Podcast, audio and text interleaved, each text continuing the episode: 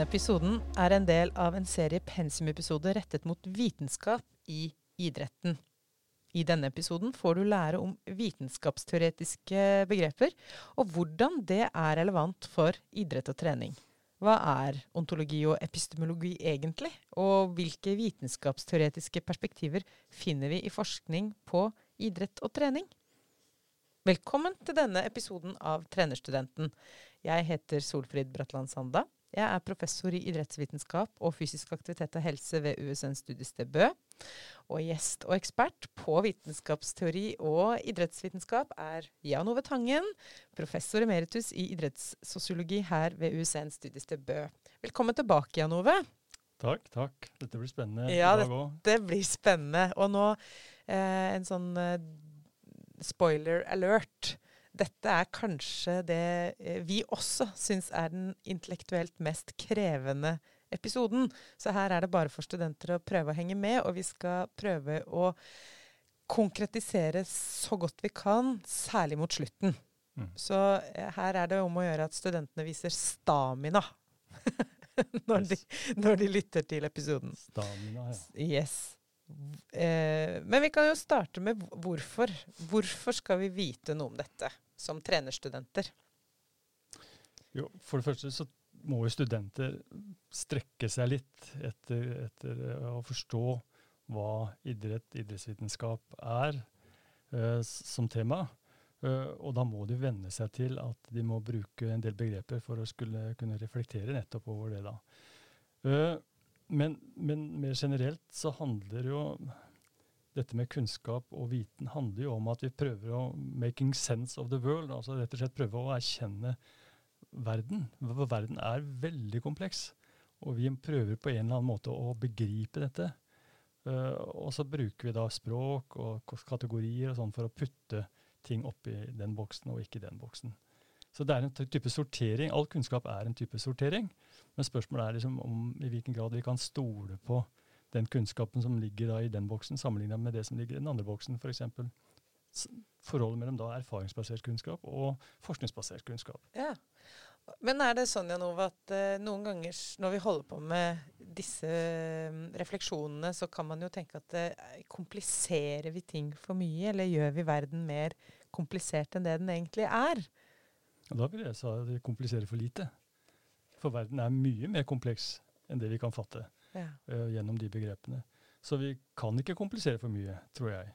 Men det er klart, det kan være fryktelig anstrengende å hele tiden problematisere, og til slutt ikke kunne stole på noe som helst. Ja. Du er ikke sikker på om du står på et gulv engang til slutt. For eksisterer det gulvet ja. egentlig? Det er vanskelig. ja. Og da ender vi plutselig opp som kasus helt andre steder enn i akademia. Ja, det er noen som har gjort det, da. Ja. Mer intelligente enn både du og jeg. Ja. ja. Uten sammenligning for øvrig. Uten sammenligning. Du, vi går rett på sak. Ja. Disse begrepene ontologi og epistemologi. Hva er, hva er ontologi? Ja, For det første vil jeg si at, at ontologi og epistemologi det er på en måte tvillinger. Så, men de tematiserer litt forskjellige ting. Uh, ontologi det tematiserer liksom hva er. Altså, hva er verden? Er, finnes, uh, finnes det, det, rommet vi sitter i nå, finnes det egentlig? Eller er det bare en, et eller annet som forekommer inni hodet vårt? Finnes tallet to? Kan vi spørre om. Jeg spurte studentene om det, og da var det en uh, smart student som sa ja, på tastaturet. Ja ja, Selvfølgelig, der er et, en tast med et symbol på, som er to. Men er det tallet to? Det er det store spørsmålet. Finnes det? Det kan de tenke på. Ja. Og det er liksom litt av problematikken. Hva er Da stiller du ontologiske spørsmål. Hva er tallet to? Ja. Og det, og det er for, for, å gi en beskrivelse. Eksisterer det? Og på hvilken måte eksisterer det? Hvordan kan vi stanse det? Og da er vi plutselig over på epistemologien. Altså hvordan kan vi vite om disse tingene? Og da er det mange andre ting vi kan diskutere under det. Ja, sånn at um, eh, Vi skal komme tilbake til noen konkrete eksempler, men, men det handler egentlig om hvis man skal uh, se på fysisk aktivitet eller se på idrett uh, i et uh, Hva skal jeg si Med ontologi og epistemologi så handler det rett og slett om å stille spørsmål ja, men hva er idrett? Mm. Hva er fysisk aktivitet? Mm. Og hvordan kan vi vite at det er Ja. det det er? Ja. Det, så begreper er ontologi. Og, og det også. Ja. Så, så derfor så er det også viktig å være veldig oppmerksom på de begrepene man bruker, og hvilken, på hvilken måte man klargjør de begrepene, og at de fanger da det man egentlig er interessert i å vite noe om. ja. og ikke minst, hvor kommer de begrepene fra? Selvfølgelig. Mm. Eh, og de, de mer sånn konkretiseringene inn mot hva er idrett og hva er fysisk aktivitet, det skal vi altså komme tilbake til, eh, studenter, så bare heng med. Jan Ove, kan du gå litt inn i, i noen ulike ontologiske perspektiver eh, som vi har? Ja, eh, det kan jeg gjøre. Eh, Bare for å understreke det også. altså Det at man da kategoriserer noe som ontologi og noe som epistemologi, er i seg sjøl en ontologi eller epistemologi. Sånn at vi kommer inn i en sånn sløyfe som vi ikke kommer ut av. Ja. men, men man har forsøkt altså å plassere da de ulike måtene å se på verden på, i hvert fall i fire, fire typer, typer ontologi. Og det ene er realisme. Man altså, realistene hevder jo at verden finnes. At, at verden eksisterer, og den eksisterer på bestemte måter det var et spørsmål om å finne fram til det. Altså rett og slett undersøke verden på best mulig måte, med ulike typer apparatur, og med raffinerte refleksjoner og logikk og matematikk osv. For å beskrive den verden. Så realistene anerkjenner at det eksisterer én sannhet. altså F.eks. den som Einstein kom opp med, at det Mm. er lik MC i annen. Altså. Mm. Så, så det er liksom idealet der. Så er det de som på en måte sier at vel, sannheten er relativ. Det avhenger av hvor du kommer fra, hva slags kultur du har, hva slags kjønn du har. Slik at vi oppfatter verden veldig forskjellig. Og den er forskjellig. altså Helt reelt sett er den forskjellig for oss. og Det er relativistene. Eh, Idealistene, sånn som f.eks. den eh, greske filosofen Platon, snakket jo om idea, ideene. Det, altså, det vi ser, er bare avspeilinger av noen grunnleggende ideer som finnes et eller annet sted, men vi vet ikke hvor. Men det vi ser, det er bare en avskygning, nærmest. Han har jo denne hulelignelsen, og så har han da også dette eksempelet om den perfekte sirkel. Altså, hvor er den perfekte sirkelen? Ja, det vet vi ikke, men vi har en idé om at det er en perfekt sirkel. Derfor så må vi prøve å tegne den så perfekt rund som mulig. Men det får vi jo aldri til. Men det er en, fordi at det blir en slags avbildning av det store idealet, den perfekte sirkel. Så det er idealismen. Empirismen derimot er, baserer seg jo nettopp på erfaring. Altså hva vi kan ta og føle på og se, observere, altså gjennom sansene. Og alt som er, brukes i forlengelse av sansene, som, som teleskop eller mikroskop eller spørreskjema, hva det måtte være. Så det, er liksom det, det å stole på at det finnes en empirisk verden, det er liksom utgangspunktet for empiristene. Hva gjelder å om, eller Det det er snakk om, er altså å kunne beskrive den best mulig. Mest mulig nøyaktig, mest mulig sann. Mm. Og da lurer jeg på om, eh, om det passer seg nå å faktisk ta den definisjonen på Den veldig mye brukte definisjonen på hva fysisk aktivitet er. Mhm. For uh, veldig mange uh, bruker en definisjon som eh, tilsier at fysisk aktivitet er enhver bevegelse eh, produsert av skjelettmuskulatur som øker energiforbruket utover hvilenivå. Det er en veldig vanlig definisjon. Hvordan kan vi, få, hva, hvordan kan vi forstå den, eller uh, Ja, altså, bryte ned den? hvis vi da tar og ser på denne definisjonen med litt sånn ontologiske øyne, så sier jo den fysisk aktivitet er all kroppsbevegelse. Det er det første. OK. All kroppsbevegelse betyr altså at det, alt som kroppen gjør, som skaper bevegelse, er fysisk aktivitet. Men det må også være en sånn type som at den er vesentlig endring i energiforbruket. Så energiaspektet ved det er viktige. Men det betyr altså at hvis du ligger i kramper over lang tid og bruker masse energi, så er det fysisk aktivitet. Det er jo ikke det vi først ikke tenker på, er det det? Det er ikke den type fysisk aktivitet vi anbefaler, at dette skal ligge i kramper. Nei. Nei. Men det sier med en gang, da har man gjort en avgrensning Mm. som ved første refleksjon er problematisk. Og hvorfor gjør man det? Mm. Eh, Som du og jeg snakka om litt på forhånd. Altså, kanskje er det viktig å ha en definisjon som er så åpen og vid at du kan putte veldig mye inn, i det.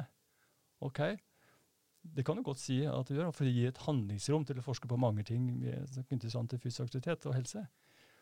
Men du kan ikke si at fysisk aktivitet er det som du sier. Mm. Altså, da må vi kanskje la være å definere da. Mm.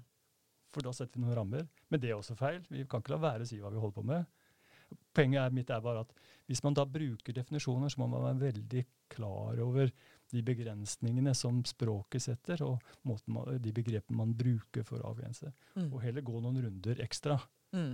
og, og, diskutere mer hva fysisk aktivitet egentlig er, mm. for å snakke ontologisk. Og en, et annet aspekt ved akkurat den definisjonen er eh, bruken av ordet 'vesentlig økning'. Yes. For det er ikke alle definisjoner Eller eh, det er ikke alle som har tatt den med. Så denne definisjonen fins jo da på en måte i ulike varianter, og, mm. og ulike forskere har tatt den ulike steder. Mm.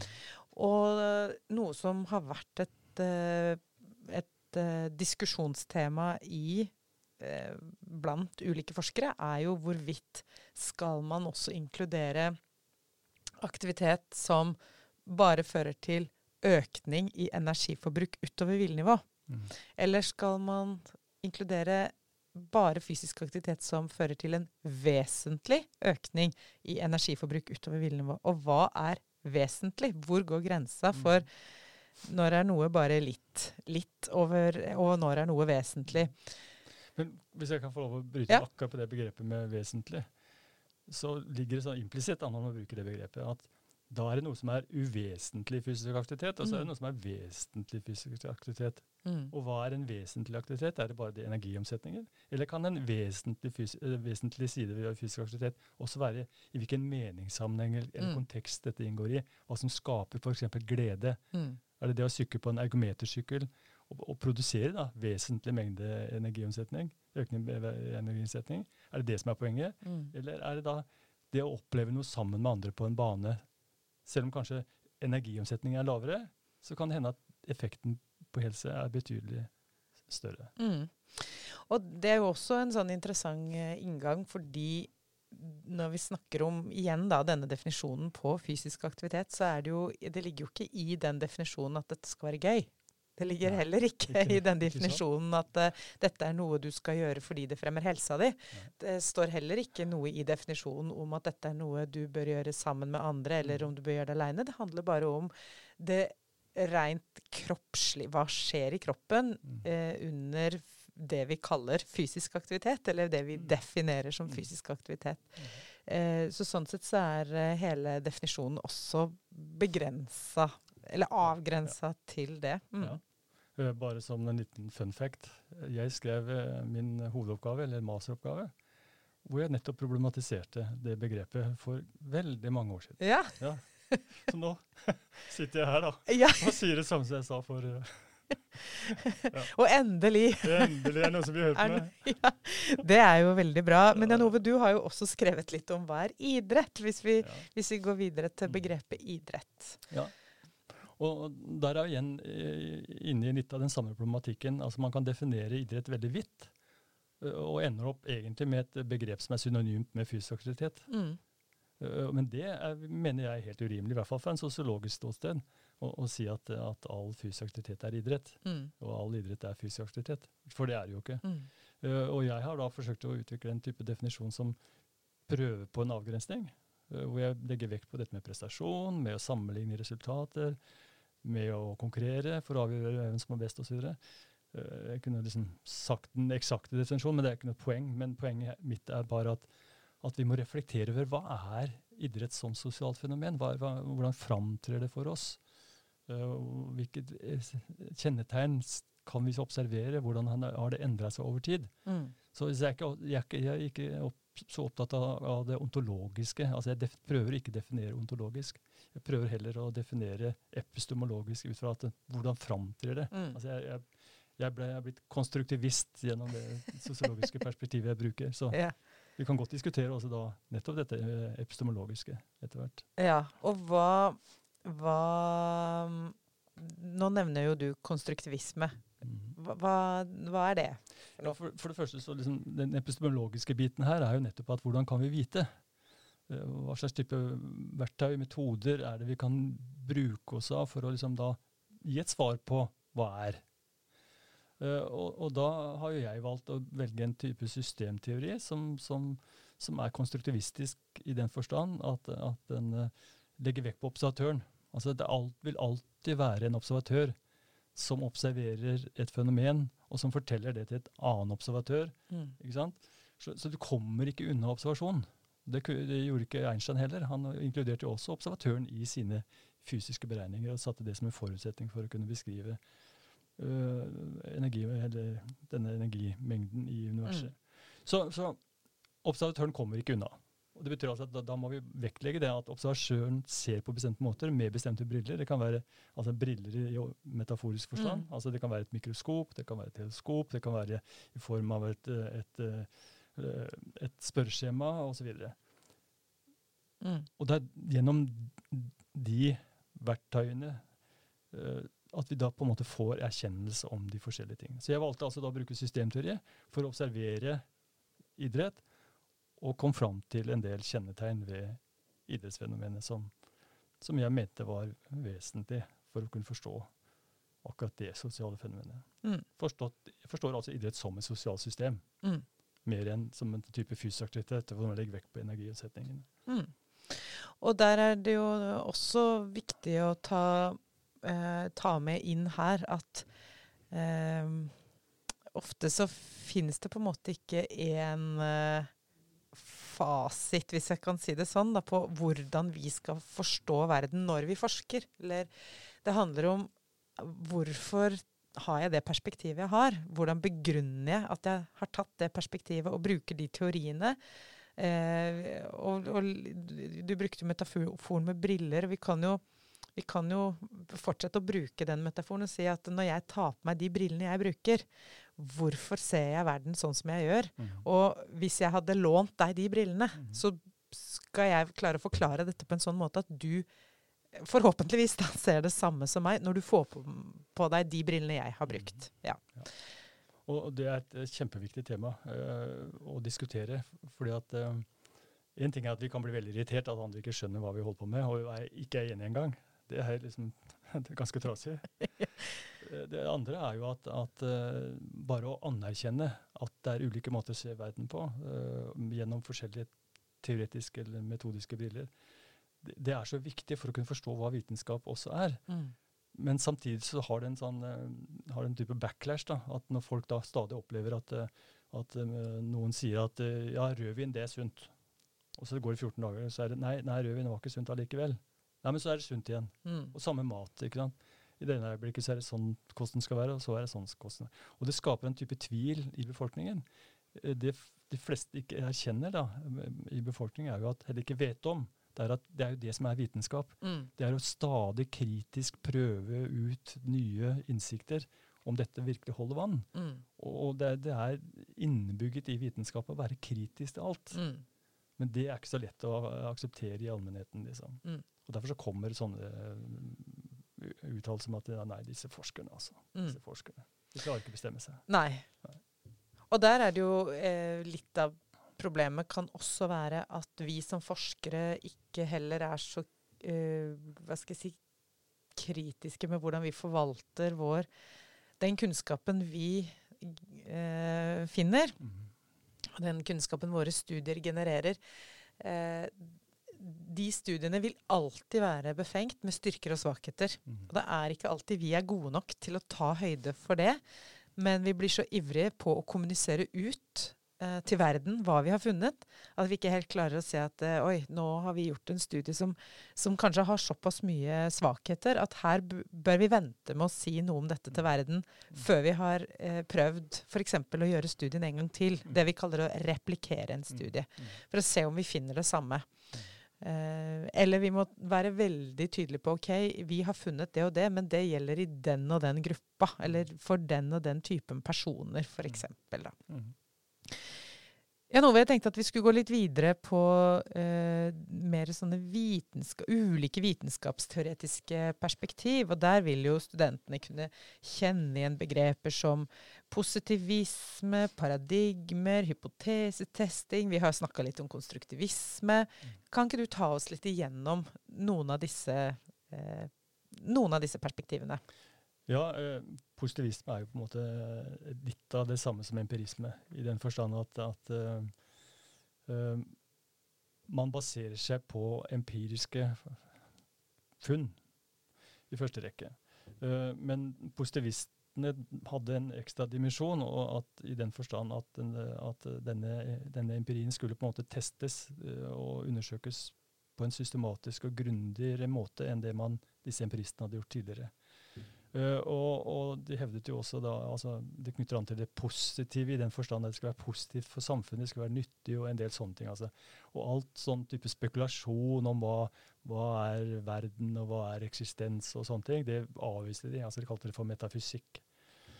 Uh, kun den kunnskapen som kunne formuleres på en slik måte at den kunne testes, og eventuelt at den kunne da bevises gjennom matematikk eller logikk, kun den kunnskapen skulle anerkjennes. Så det var liksom positivismen. Uh, den har på en måte mer eller mindre ubevisst en sterk forankring i forskningen i, i dag, så, så, så, det er nok uh, også et viktig element her. Når det gjelder paradigmer, så er det jo litt sånn at, at hvis vi sånn ser vitenskapshistorisk på dette her, så har det liksom vært ulike perspektiver på, på, på, på saker og ting i verden. F.eks. Kopernikus, da, som på en måte revolusjonerte det verdensbildet. Før så trodde man jo at, at eh, sola gikk rundt jorda. Altså, mens, mens, Kopernikus kom jo opp da med ideen om at det var egentlig jorda som gikk rundt sola. Og så videre. så, så liksom, man skifter bilder. Og, mm. og, hele vitenskapen er full av sånne skifter i måten man forstår verden på. Og mm hvert eneste perspektiv som er blitt lansert, har jo liksom blitt til et paradigme i den forstand at, at det er vært enerådende, på en måte, eller i hvert fall mer mm. enerådende, og hvor, hvor, da, hvor da man, de har rekruttert nye studenter som har forska innenfor det samme området, og forankra, eller mer eller mindre bevist, mer og mer og mer av den forståelsen, det paradigmet. Så det, her, det har endra seg over tid. Så og jeg befinner meg jo da innenfor et sånn systemteoretisk paradigme, ikke sant? mens andre vil jo da velge mer ut fra sånn bordiøsk paradigme når det gjelder sosiologi osv. Så, videre. så paradigmet er på en måte bare en sånn, et slags type hovedperspektiv som mm. genererer mer forskning innafor det samme. Mm. Men så blir, oppstår det anomalier, da, eller et avvik, mm. som etter hvert blir så, så, så, viktig at man kan ikke overse det lenger. Mm. Og da begynner man å reflektere over hva er det som mangler her. Og så kommer noen med noen glupe ideer, og så må man bytte ut det gamle paradigmet med et nytt paradigme. For mm. Det er ofte de yngre forskerne da, som, eh, som utfordrer de etablerte, som har, sitter på, i gode posisjoner pga. nettopp det gamle paradigmet, ja. som da blir uh, utfordra. Og så kommer det noe nytt, heldigvis. Og dette her er Nå er vi egentlig kjernen av veldig mye av det som skjer, og utviklingen i idrett, men mm. også i hvordan vi ser på fysisk aktivitet. Mm. Et konkret eksempel på et viktig paradigmeskifte handler f.eks. om hvordan vi har forstått laktat mm -hmm. og melkesyre.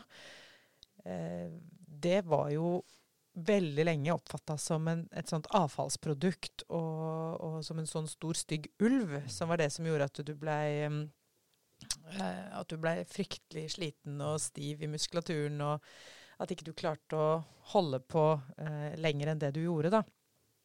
Men så viste jo forskning etter hvert at uh, melkesyre var jo ikke et avfallsprodukt. Tvert imot så er det et uh, uh, substrat som særlig hjernen trenger. Det er jo nyreforskning her fra Norge også som, som, viser det. Og i tillegg så, så, var det særlig noen studier fra Universitetet i København. dette var sånn tidlig 2000-tallet, så det er sånn ca. 20 år siden disse studiene kom som begynte å stille spørsmål ved om melkesyre eh, faktisk hadde en beskyttende faktor. At det var andre ting som var på en måte farlig da, ved den mm. mer eh, veldig, veldig, veldig anstrengende aktiviteten. Mens at den, den, akkumuleringen av melkesyre man så, rett og slett handla om eh, å beskytte eh, kroppen mot skadelige virkninger av f.eks. ekstracellulært eh, kalium. Så plutselig begynte man da å se melkesyre på en helt annen måte. Mm. Og jeg husker min av, professor eh, Hans A. Dahl, mm. eh, som er veldig kjent innen eh, anatomi og Var min gamle lærer. Ikke sant? Ja. Han, eh, da jeg gikk på master, så hadde Da fikk vi en, eh, en Da trakk jeg en oppgave eh, til en sånn 14 dagers skriftlig eksamen i idrettsfysiologi på master. Og den oppgaveteksten der sto det 'melkesyre, venn eller fiende'. Han var veldig opptatt av dette paradigmeskiftet. Så det er et eksempel på, på et uh, sånt skifte.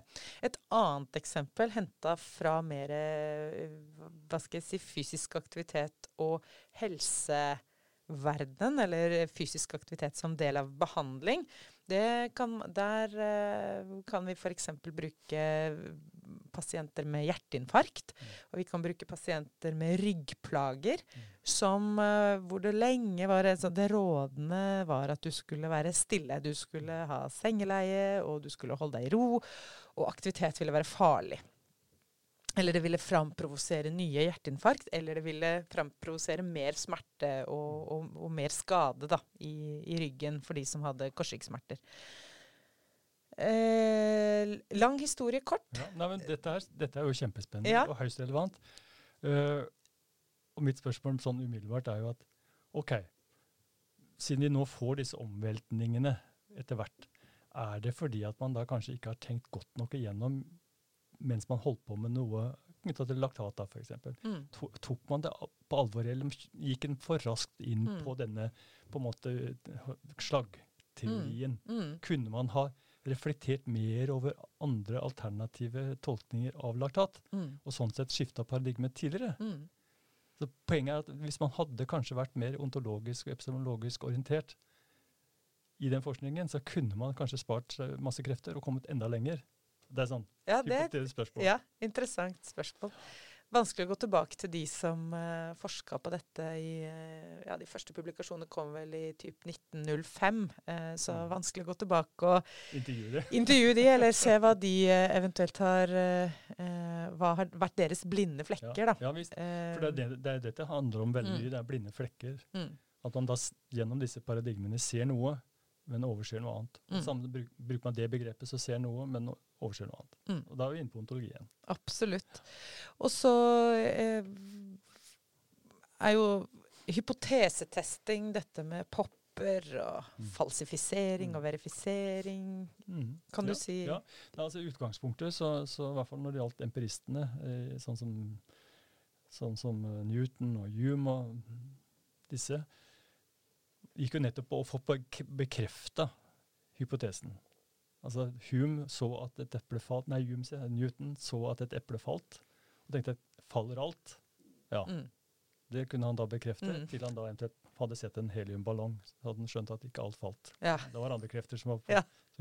Men poenget er bare at, at, at vi Dette med bekreftelse ligger veldig nær å å, å, å, foreta seg. Om han ønsker å få bekreftet den ideen man har, eller den hypotesen han har. Mens Popper kommer jo opp da med at nei, selv om du har observert at det er 1000 svaner, så kan altså da neste svane være mm. Dette 1000 svaner er hvite, men neste svane kan være svart. Mm.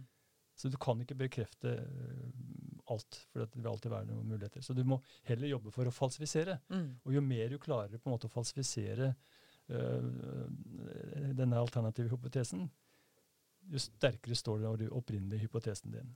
Mm. Så, ja. så, så hypotesestesting er viktig. Mm. Uh, og det gjelder ikke bare empirisk uh, naturvitenskapelig forskning, men også da mer sosiologisk og humanistisk forskning. Man må ha, ha, kanskje ha en hypotese, en antakelse, en forventning om hva man ønsker å finne, og så må man prøve å systematisk og, liksom både bekrefte og avkrefte dette. Mm. Vi har jo snakka om det også i noen tidligere episoder, for å på en måte knytte dette med bekreftelsesfella da, mm, litt opp mm. også til det. At det også har relevans for det praktiske trenerarbeidet. Mm. Så er et konkret eksempel på en sånn type bekreftelsesfelle er hvis du skal inn og overta en, eh, en gruppe utøvere fra en annen trener. Og så får du høre at ja, den utøveren er sånn, og den utøveren er sånn, og mm. ja, han er det bare trøbbel med, og det er bare tull og rot. og hvor lett er at vi da går Da leiter vi ikke sant, etter det for å bekrefte eller mm. verifisere. Mm. Eh, og vi kan fort uh, gå i en sånn felle at uh, den utøveren da, skal ikke si eller gjøre mye før vi tenker at ja, der ser du. Nå mm. skjedde det. Mm. Akkurat det eksempelet jeg tenkte på. Mm. Og, og, et annet eksempel der er uh, Dette kjenner jo studentene fra eh, forelesning om observasjon som metode. Eh, hvor jeg spilte av et eh, bitte lite klipp fra en timeout i en håndballkamp mellom det norske kvinnelandslaget og det russiske kvinnelandslaget. Dette er jo fra, fra, en del år tilbake, en kamp da, fra en del år tilbake men hvor den russiske treneren har på en måte vært kjent for Og han blir så sint, og han er sånn og sånn. Mens de norske trenerne har en helt annen tilnærming til sine utøvere. Mens i akkurat denne timeouten så er han egentlig ganske Hva skal jeg si beherska. Mm. Men der er det der er det hvert år eh, som jeg spiller av denne snutten, så er det flere studenter som som sier at eh, Ja, så er han russiske treneren så sint. Mm. Mm. Så det er jo en sånn hvordan vi går i en sånn bekreftelsesfelle i det praktiske. Eh, det gjør vi også i vitenskapen, ja, er jo egentlig det ja. vi, vi, snakker om her. Ja, og det gjør vi jo. Altså, det er veldig lett å, å gå i den fella. Mm.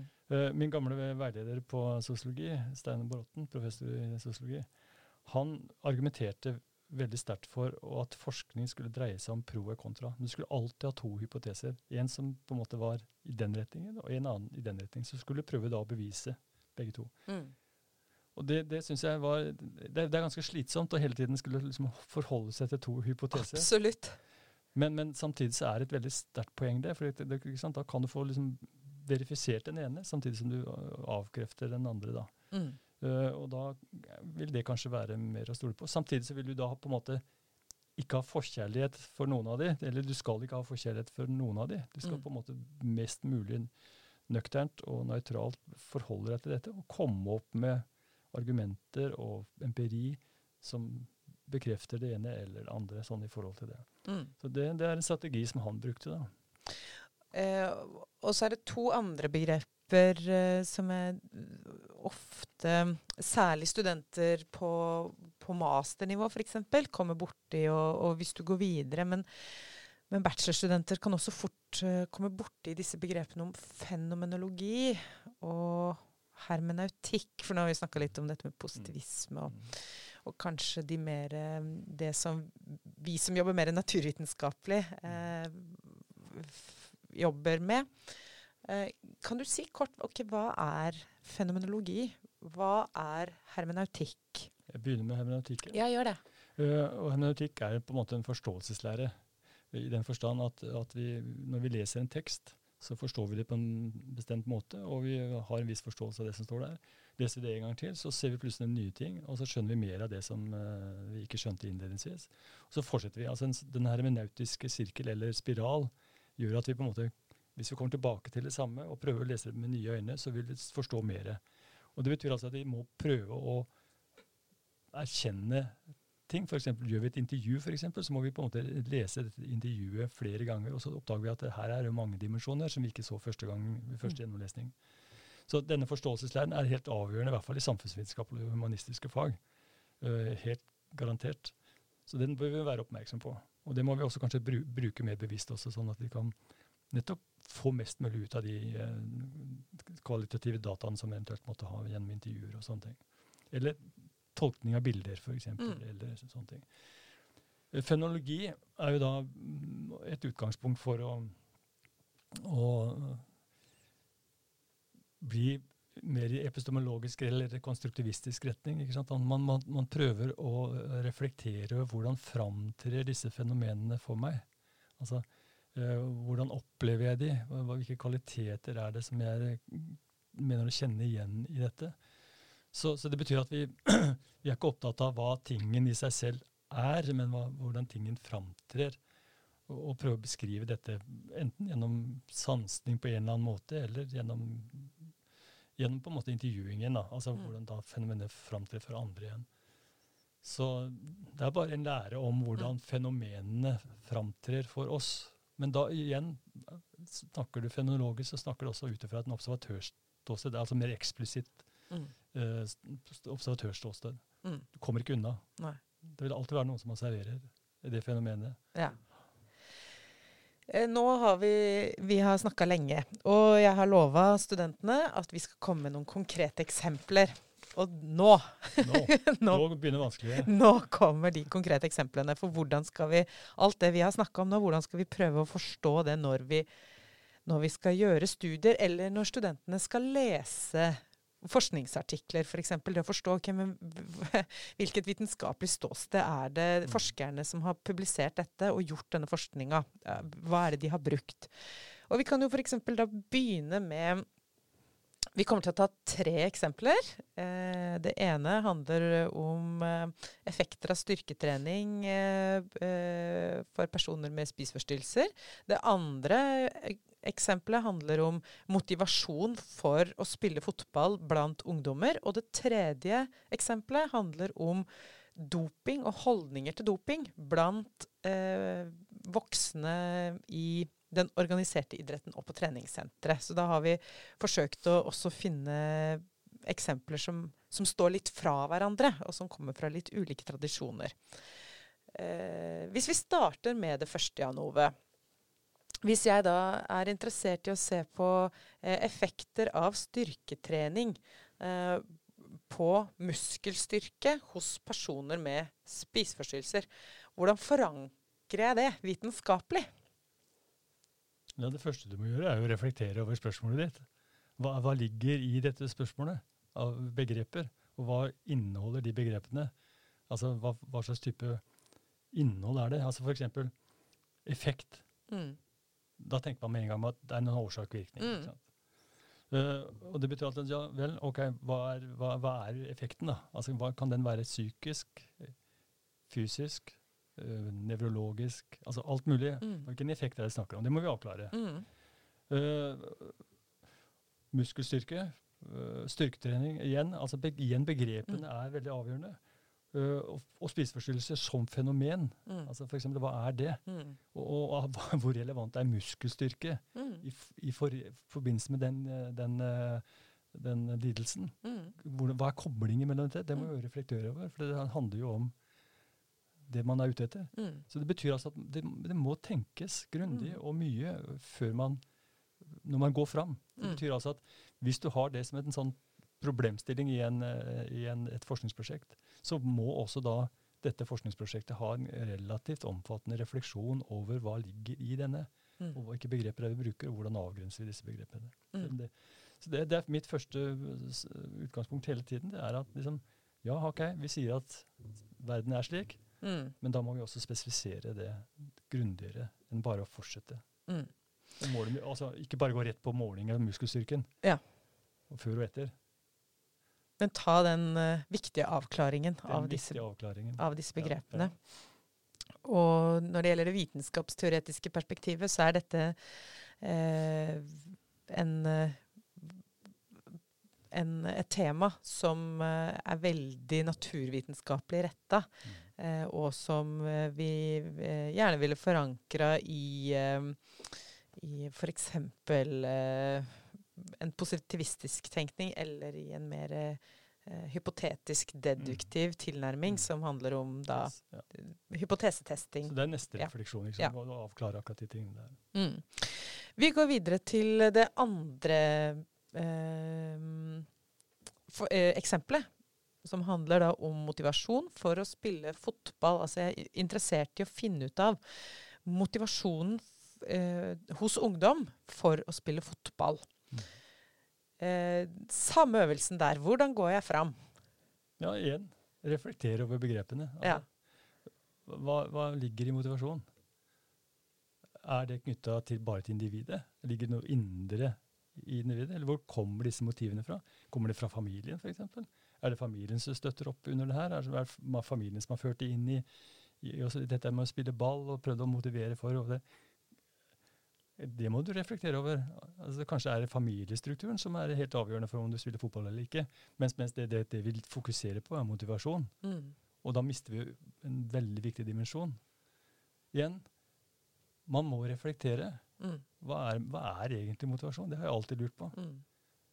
Er dette bare en slags avspeiling av de forventningene som ligger rundt, gjennom familie, venner, samfunn? Mm. Ja, for meg vil jo det være en ganske omfattende egentlig så hadde dette blitt et nytt forskningsprosjekt som gikk da nettopp på begrepet. Mm. Hva er egentlig motivasjon? Ja. For meg hadde det blitt det. Så jeg hadde liksom tatt spora helt av. ja. og det skal vi se, Hvis det er en bachelorstudent, da, en Ja. student på bachelor eh, som har lyst til å se på dette i sin bacheloroppgave, så skal, skal ikke den studenten behøve å måtte definere begrepene på nytt. Men eh, det å være klar over hvordan definerer jeg Ja, hvordan- motivasjon, hvordan, ja, hvordan ser jeg ja.